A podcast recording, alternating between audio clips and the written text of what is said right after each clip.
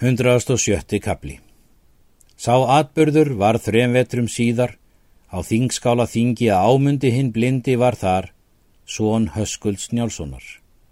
Hann let leiða sig búða í meðal. Hann kom í búð þá er lýtingur var inni af samstöðum. Hann lætur leiða sig inn í búðina og þar fyrir sem lýtingur satt. Hann mælti. Er hér lýtingur af samstöðum? Já, segir lýtingur, eða hvað vilt þú mér?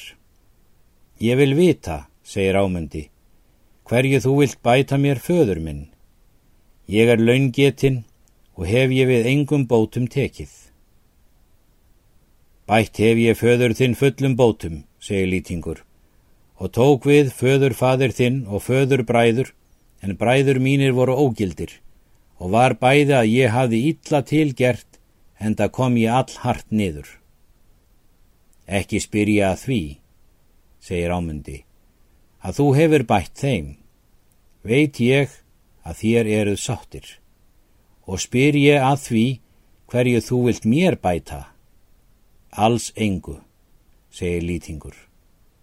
Egi skil ég, segir ámundi, að það munir rétt fyrir Guði svo nær hjarta sem þú hefur mér högvið. En það kann ég að segja þér ef ég væri heilegur báðum augum að hafa skildi annarkvort fyrir föður minn, fjebætur eða mannhemdir en það skipti Guð með okkur. Eftir það gekk hann út. En er hann kom í búðardyrnar, snýst hann innar eftir búðinni. Þá lökust upp augu hans. Þá mælti hann.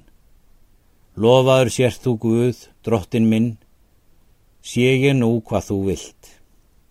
Eftir það hleypur hann innar eftir búðinni, þar til er hann kemur fyrir lýting og höggur með öks í höfuð honum, svo að hún stóð á hamri og kippir að sér öksinni. Lýtingur fellur áfram og var þegar döður. Ámundi gengur út í búðardyrnar og er hann kom í þau hinn sömu spór sem augu hans höfðu upp lokist, þá lukust nú aftur og var hann alla æfi blindur síðan. Eftir það lætur hann fylgja sér til njáls og svona hans, hann segir þeim vík lítings.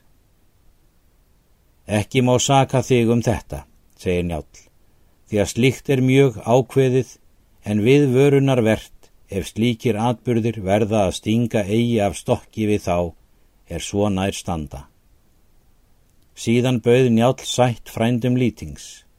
Höskuldur kvítaneskoði átti hlut að við frændur lítings að þeir tækju sættum og var þá lægið máli gerð og fjallu halvar bætur niður fyrir sakastadi þá er ámundi þótti á eiga. Eftir það gengu menn til tryggða og veittu frændur lítings ámunda tryggðir. Menn riðu heima þingi og er nú kýrt lengi.